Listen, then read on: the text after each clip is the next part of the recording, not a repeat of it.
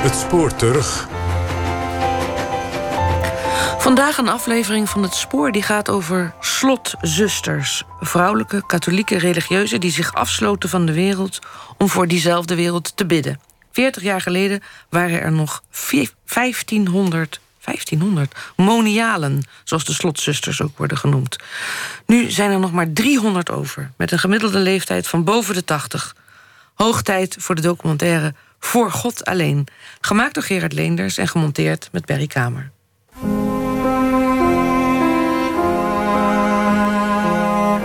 Ik wilde mij helemaal aan God geven. En ik, ik ga bidden voor die hele wereld. Ik, ik geloof dat, ja, dat dat goed is. En ik geloof het nog. Ik wou naar de kerk steeds. En uiteindelijk dacht ik, ik wil, ik wil altijd bidden. Mijn drang en mijn verlangen naar God, dat was voor mij de basis. En bovendien ook een liefde die niet teleurstelt. Het wezenlijke is gebleven. Maar de entourage, daar is ontzettend veel aan veranderd. Heel erg veel. De Maasstraat in Weert. Achter mij het oude politiebureau. En als ik een klein stukje doorloop, aan mijn rechterzijde een grote witte straatgevel. Dat is het klooster van de Birgitenessen. Slotzusters.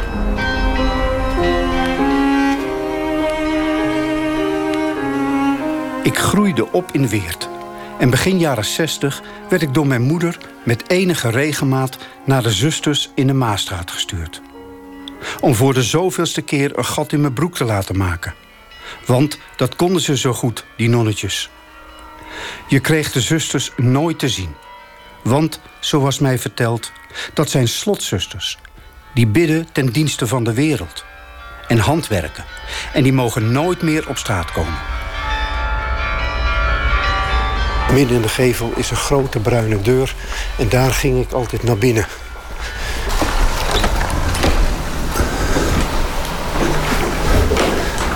En ik kom nu in een klein halletje.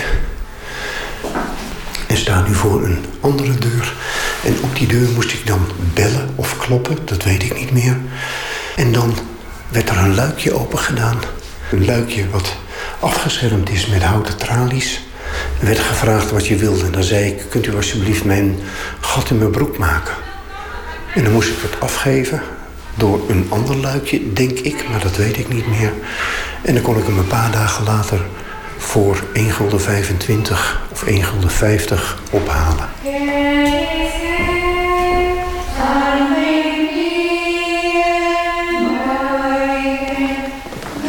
Hier in het kruisherenklooster van Sint Arta. Uh, hier wonen sinds 1371 al kruisheren. Um, en inmiddels is er ook in een van de vleugels uh, gevestigd... het erfgoedcentrum voor Nederlands kloosterleven. Marga Arendsen is de directeur van het erfgoedcentrum Nederlands Kloosterleven... en publiceerde over de geschiedenis van slotzusters. Bij slotzusters heb je het over beschouwende vrouwelijke kloosterlingen... Eigenlijk ontstaat dat al vrij vroeg in het christendom. Dus dat vrouwen uh, hun tijd voor een groot deel besteden aan gebed en contemplatie. Het bidden voor de wereld werd beschouwd als een hele belangrijke taak binnen de kerk. Uh, dus pas vanaf de middeleeuwen uh, komt er regelgeving vanuit de kerkelijke overheden. En, Zoals? Ja, um, regelgeving over uh, het, de indeling van de, van de dag, de regelgeving over de contacten met buiten. Geleidelijk aan wordt die regelgeving minutieus. Door fysieke afscheidingen worden deze vrouwen van de wereld gescheiden. Dus zij leven in een uh, klooster wat, waar andere mensen niet binnen mogen komen. En waar zij niet buiten komen. Uh, zij kunnen niet naar buiten kijken. Het, de contacten met, met anderen vinden plaats via de tralies. Dan wordt er ook echt gesproken over slotzusters. Want ja, dan is echt het gevoel van deze mensen zitten in een slot. Het is moeilijk voor te stellen. Je laat je vrijwillig opsluiten om te bidden voor de mensheid. Toch waren er vrouwen die dat in de vorige eeuw uit volle overtuiging deden. Want in het kerkboekje voor het katholieke meisje kon je lezen dat trouwen mooi was, maar het klooster ingaan nog mooier. En dan kon je ook nog kiezen. Of als zuster naar de missie, in de zorg of het onderwijs. De zogenaamde actieve zusters. Of als slotzuster, als bruid van God door het leven gaan. Het hoogst haalbare. Ik sprak met drie van die slotzusters, respectievelijk 91, 90 en 89 jaar oud. Ik ben uh, zuster Maria Smelter. Ik ben geboren in Delft, 16 januari 1926. En ik ben naar de Clarisse gegaan op 3 mei 1946. Ik ben zuster Leonarda van Leeuwen, sinds 1950 Clarisse in Megen, de Clarisse-orde. Ik ben uh, zuster Emmanuel Kossen. En zuster Emmanuel hoort bij... Benedictinessen van het Heilige Sacrament van de altijd durende aanbidding. Hebben we ook gedaan, dag en nacht.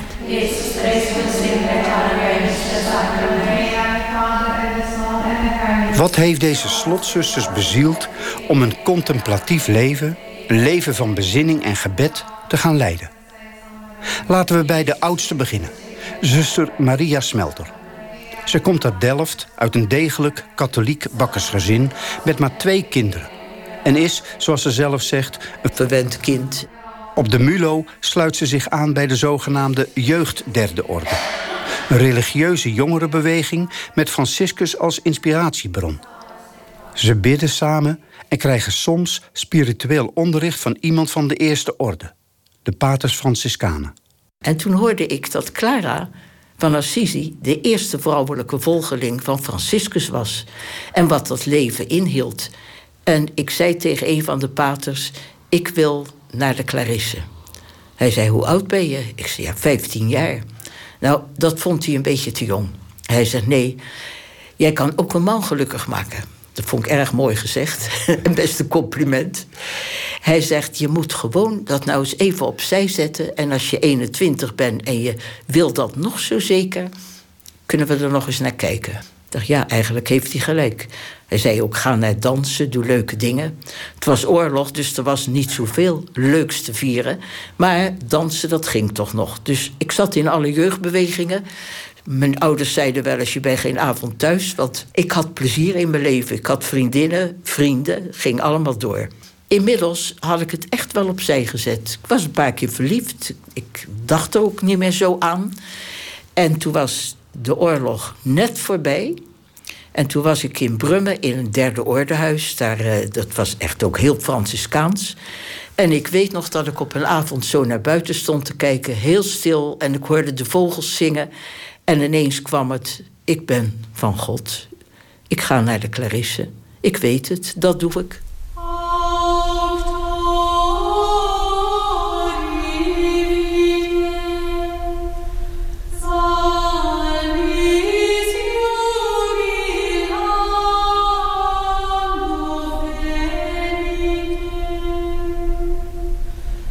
Zuster Leonarda van Leeuwen is de vierde van een gezin van zes. Vader is klerk. Op de Mulo komt ze in aanraking met de boeken van Pieter van der Meer de Walcheren. Een vooraanstaand katholiek dichter en schrijver aan het begin van de vorige eeuw. En hij beschreef hij dat zang en de koorgebed, nou was ik helemaal high. Dat heeft mij altijd aangesproken. Alleen leven voor God, dus dat was het. Vlak na de oorlog wordt ze onderwijzeres. En ook zij sluit zich aan bij de derde orde. Daar ging ik dus bij, dus eens in de maand bijeenkomst. Nou, toen na twee jaar geloof ik, ja, toen, uh, toen wist ik onderhand dat ik wilde worden. Maar waar zit het niet op godsnaam? Ik wist niks. Ik zeg, uh, ik ga me, wil me laten uitschrijven uit de derde orde. En waarom dan? Ja, ik ga naar de tweede orde. Maar ik weet helemaal niet waar ze zijn, hè. Dus die clarisse heette de tweede orde, hè. Franciscanen eerste orde. Gaf hij mijn adres. Ik zeg, het adres is in Megen. Megen, waar in godsnaam Megen?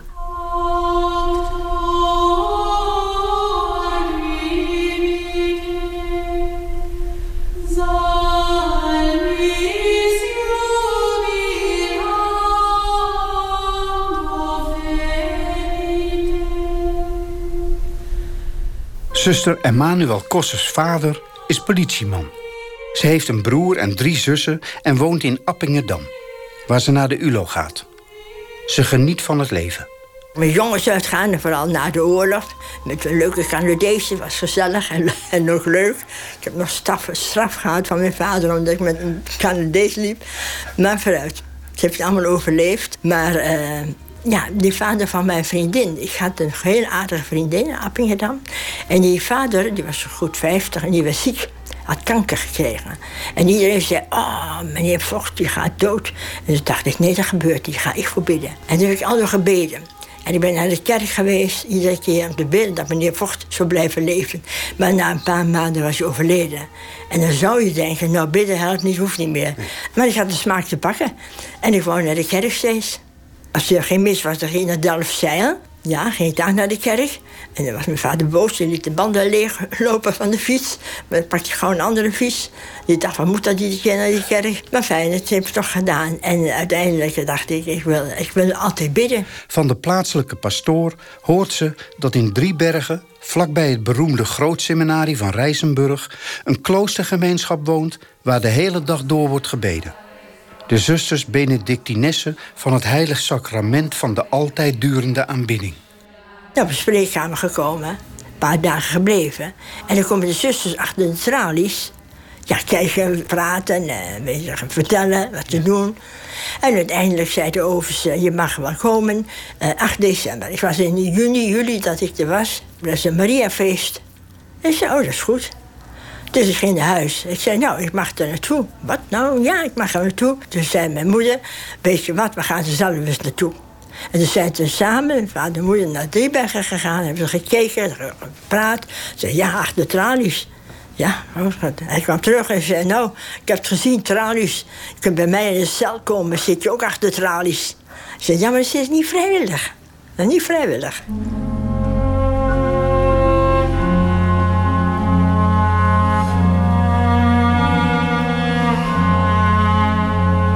Na een oriënteringsgesprek in Megen vertelt zuster Leonarda van haar keuze voor het klooster aan haar ouders.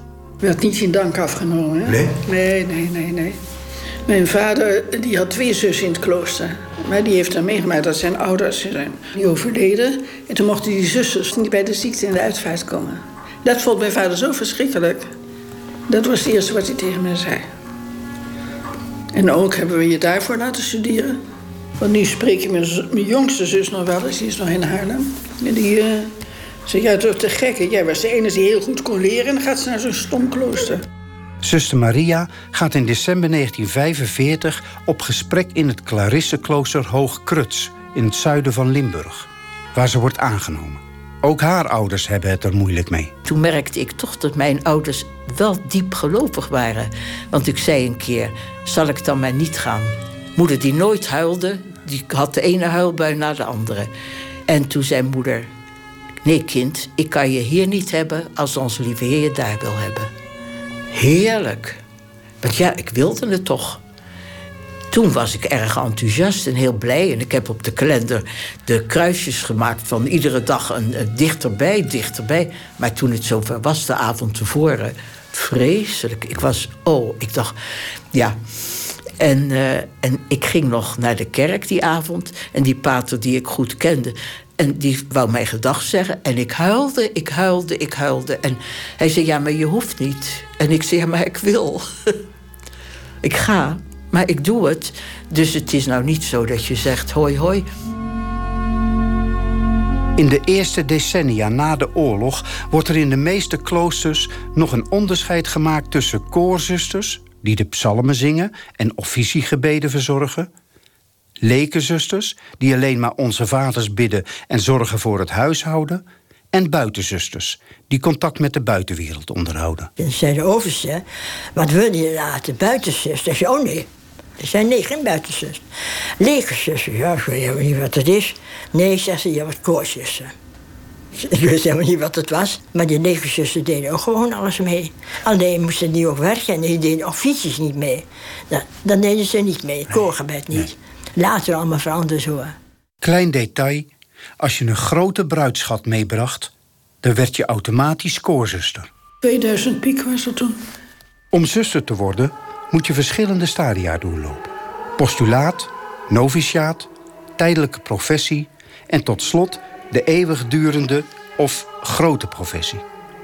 Op 3 mei 1946 begint zuster Maria samen met een ander meisje aan het eerste stadium van haar kloosterleven, het postulaat. Een soort snuffelstage onder begeleiding van een novicemeester. De slotdeur ging open en dan wordt er gevraagd: wat verlang je? En wij zeiden: wij vragen u dat u ons ter liefde Gods opneemt in de orde van de Clarisse, om boetvaardigheid te doen, mijn leven te verbeteren en God tot aan mijn dood getrouw te dienen. En dan lopen ze, ja, allemaal keren ze zich om en wij komen achteraan. De voorsten hebben een kruis en twee kaarsen.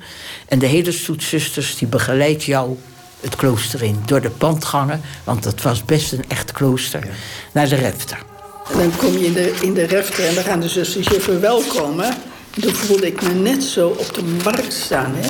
De wat een lange, wat een smalle, wat een donkere. Weet je wel, allemaal zulke op. Kijk hier, komt door de slotdeur, dus ergens opzij. Je zo binnen, allemaal met kaars afgehaald. Dan loop je naar binnen en dan kom je in de refter. Ja. En in de kapel werd ook nog gezongen. Ik weet niet alles iets meer. Er wordt gezongen in ieder geval een lied. En dan kreeg je je, je postulantenjurk aan. Dat had ik zelf gemaakt, zwart. En dan begin je leven beginnen. Het was allemaal zo vreemd. Zo vreemd. Maar die andere dag, om vijf uur, werd je gewekt. Vijf uur. Ja, nou, dan kom je in de kapel. En dan gaan die zusters mediteren, maar je weet, ik wist helemaal niet wat mediteren was.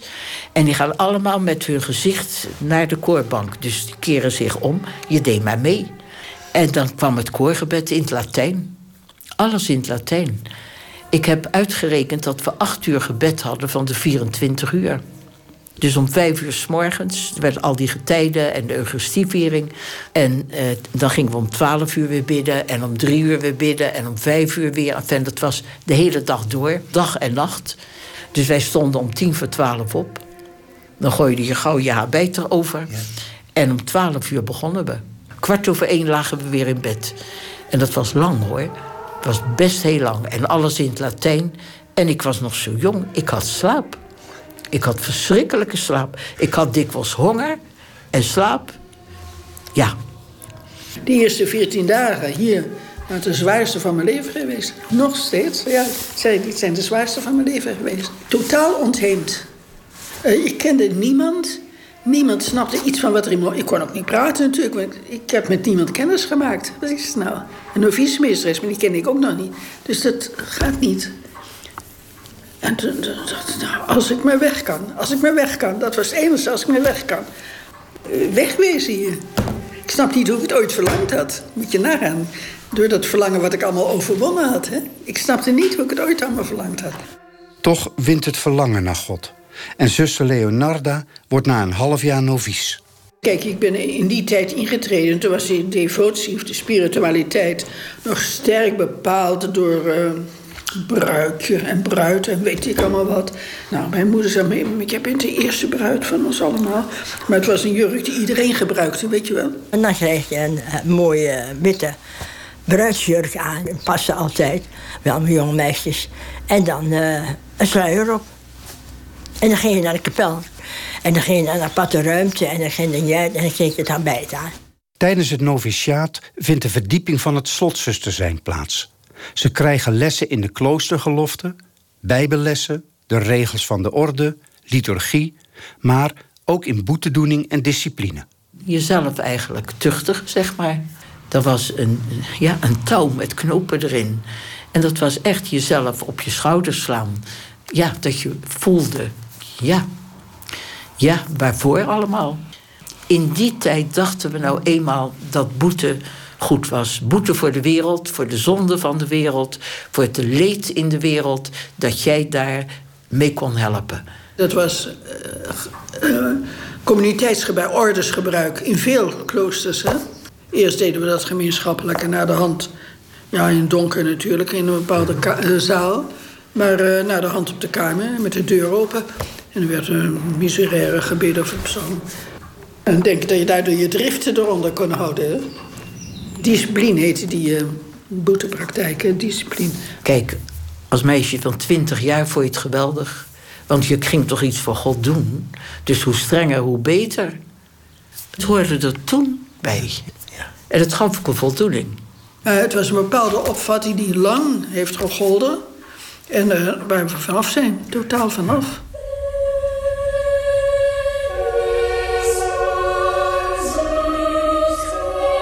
De novicen leven nog steeds streng gescheiden van de rest van de communiteit, maar na een jaar volgt dan eindelijk de toetreding tot de kloostergemeenschap met het afleggen van de tijdelijke gelofte. Komt erop neer dat je belooft aan God. Ja, en aan uw moeder abdis en aan alle zusters. Maar je legt het af in handen van de abdis. Dat is heel mooi. Dus je legt jouw handen in de handen van de abdis. En daar leg je af je gelofte van gehoorzaamheid, van armoede en van zuiverheid. En te leven in beslotenheid. Vroeger dan heel streng, achter slot en grendel. Maar nu toch ook een beperking van wat we wel en niet kiezen. Drie jaar tijdelijk. Dus binnen die drie jaar kan je altijd nog weggaan. Dan moet er wel een bepaalde dispensatie komen, maar dat is niet zo moeilijk, want dat is tijdelijk. Maar na die drie jaar doe je het voor altijd. Dan krijgen we de ring en dan is het echt voor altijd. Op de dag van de grote professie, dan zongen de zusters Veni Sponsa Christi, Kom bruid van Christus. Het was of de deuren werkelijk letterlijk open gingen en ik dacht, hier ben ik, klaar. Delft, 11 november 1950. Lieve Miek, eerwaarde zuster. Erachteraan. Zo is dan de dag gekomen van uw groot professiefeest. En ik geloof in heel uw leven zijt ge niet zo blij geweest. Toen ge deze morgen opstond, blij gewekt door het belgeluid, kon ge jubelen en juichen. Ja, nu word ik Jezus bruid. Miek, je hebt toch deze morgen ook wel goed aan ons gedacht. Want je weet het, door Gods goedheid werd je eens bij ons gebracht. Maar nu moeten wij je afstaan. Ook al doet het ons wat leed. En we zeggen blij tevreden, het is heel goed wat Jezus deed. Leef dan blij en heel gelukkig verder in uw kloosterstaat. En dat ge na een arm leven rijk de hemel binnengaat. Je liefhebbende vader en moeder. Mooi hè?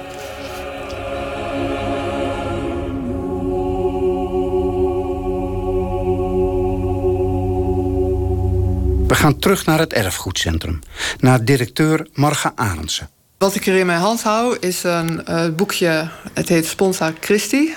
Het is een geschrift vanuit de Romeinse overheid voor monialen, uitgegeven in 1950. En dat is voor de zusters heel belangrijk geweest, want hierin werd opnieuw de betekenis van hun leven vastgelegd. Uh, en ook omdat het nieuwe richtlijnen geeft voor het omgaan uh, met de wereld om hen heen. En dat geldt met name voor het onderdeel arbeid, omdat men zag dat in de slotkloosters zusters problemen hadden met het verwerven van voldoende inkomsten. En hadden de zusters gewoon arm. En dat is eigenlijk waar deze constitutie op reageert.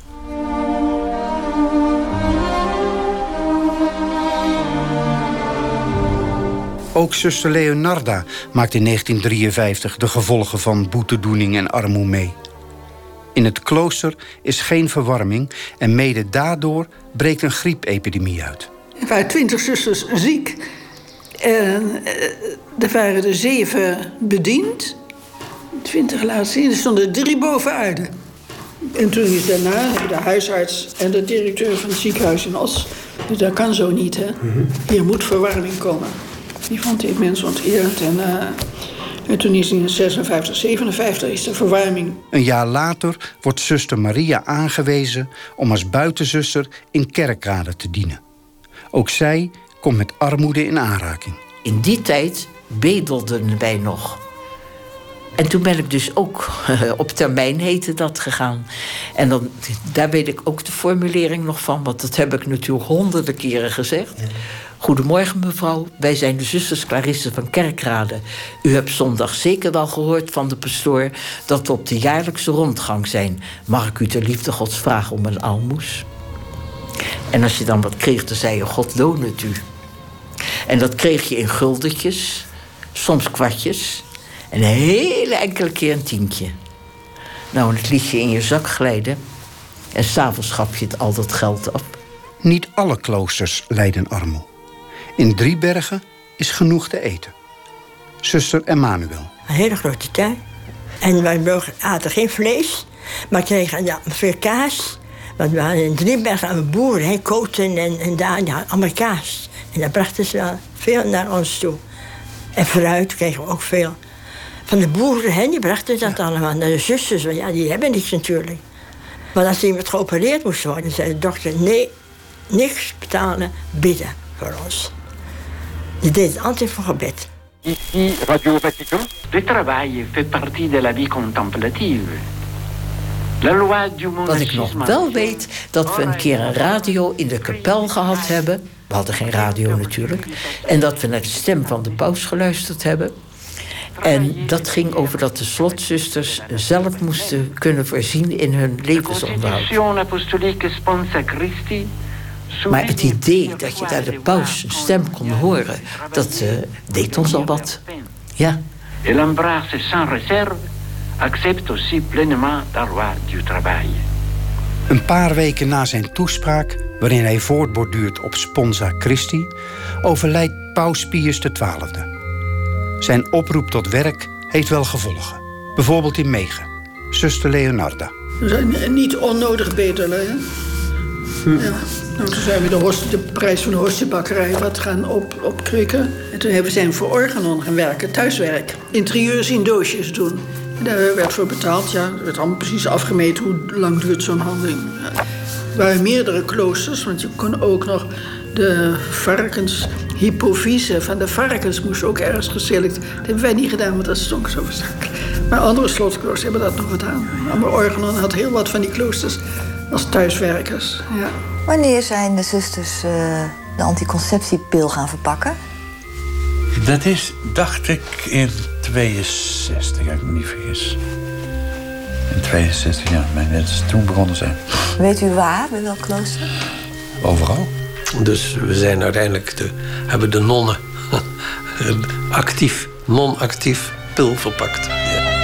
E infine viene il gran giorno, 11 ottobre 1962, l'apertura del concilio. In hetzelfde jaar dat Organon start met de productie van de pil, begint ook het Tweede Vaticaans Concilie, uitgeroepen door Paus Johannes de 23ste. De zusters volgen het op de voet. Zuster Emmanuel. Toen hebben wij de elektricien, Jurbin uit Riebergen, gevraagd om een televisie.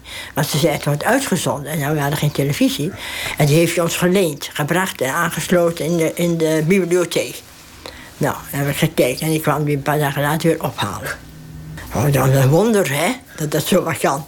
En die werd ook weer opgehaald na die tijd. Totdat er een zuster feest zat en die zei... weet je wat, ik vraag een televisie. Nou, wij waren nog zo goed. Dus hij bracht de televisie in de communiteitskamer. En uh, werd aangesloten en gedaan. Ja. Konden de televisie kijken. Wij kregen een fabeltjeskrant. Daar werd de vespers voor verzet. Als dat, als dat nog een andere tijd was, zei ja, maar fabeltjeskrant. Ja, dat was toch leuk.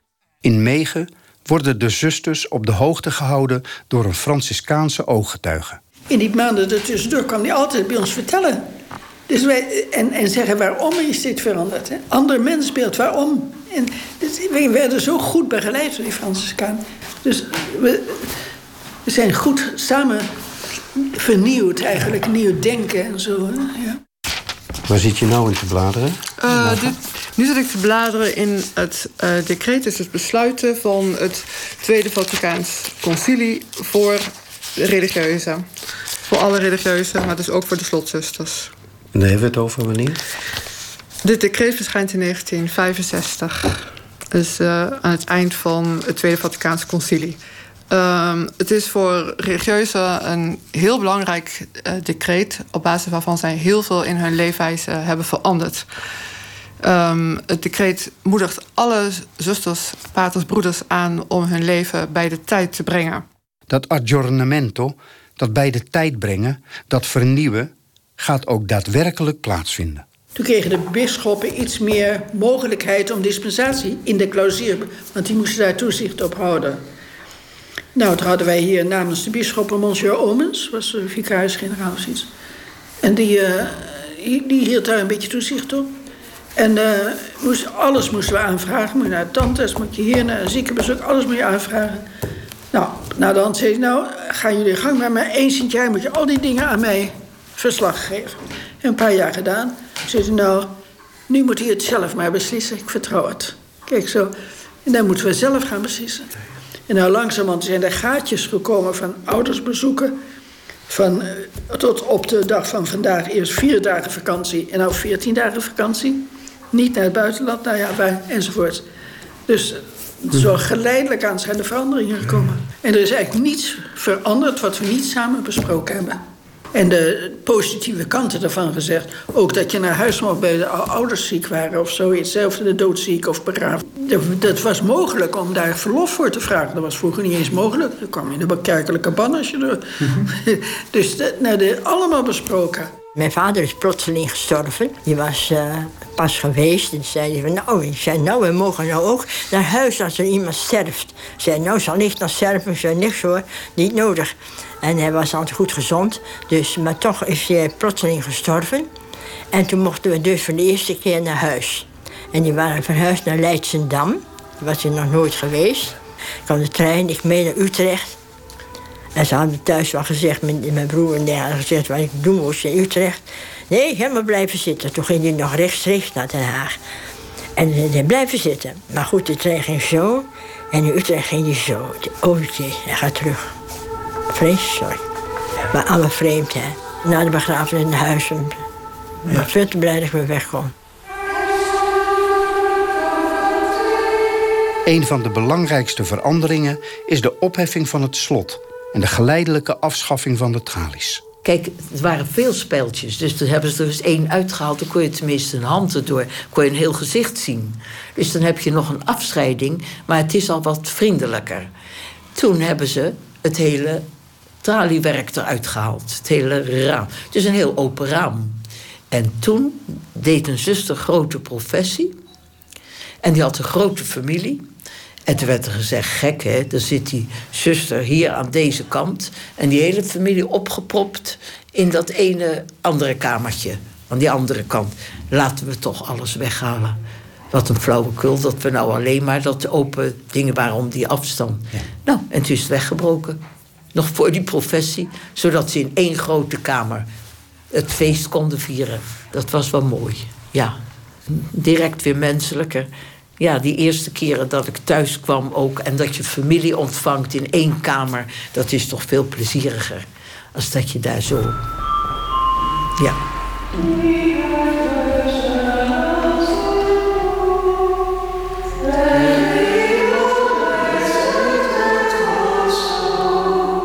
En er komen nog veel meer veranderingen. In een paar decennia worden eeuwenlange tradities aangepast aan een nieuwe tijd. De slotzusters mogen een opleiding volgen en gaan zelfs lesgeven. En de Gregoriaanse koorgebeden worden omgezet naar het Nederlands.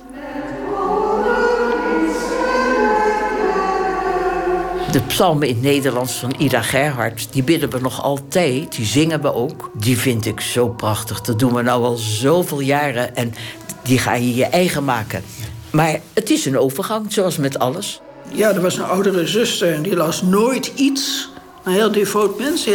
Francisca was heel, um, een heilig zustertje, zou ik maar zeggen. En dan vroeg ik haar, Francisca, hoe viert het nou? Hè? Van eh, alles nou in het Nederlands, een andere liedje. Ach, Leo, nou, als het maar voor de lieve Heer is, is goed. Nou, dat is mooi, hè? Dat is iets kernachtigs en uh, die kunnen relativeren.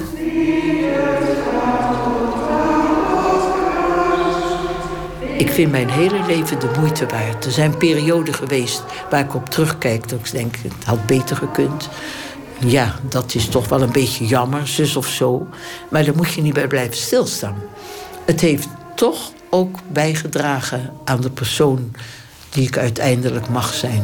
Ik zeg daarbij niet dat ik nooit twijfels gehad heb of noem het bekoringen of moeilijke dagen horen bij het leven. Maar er is altijd een ondergrond geweest die zei: Je hoort hier. Je bent van mij. En dat mij, dat is het geheim van mijn leven. Het geheim van God.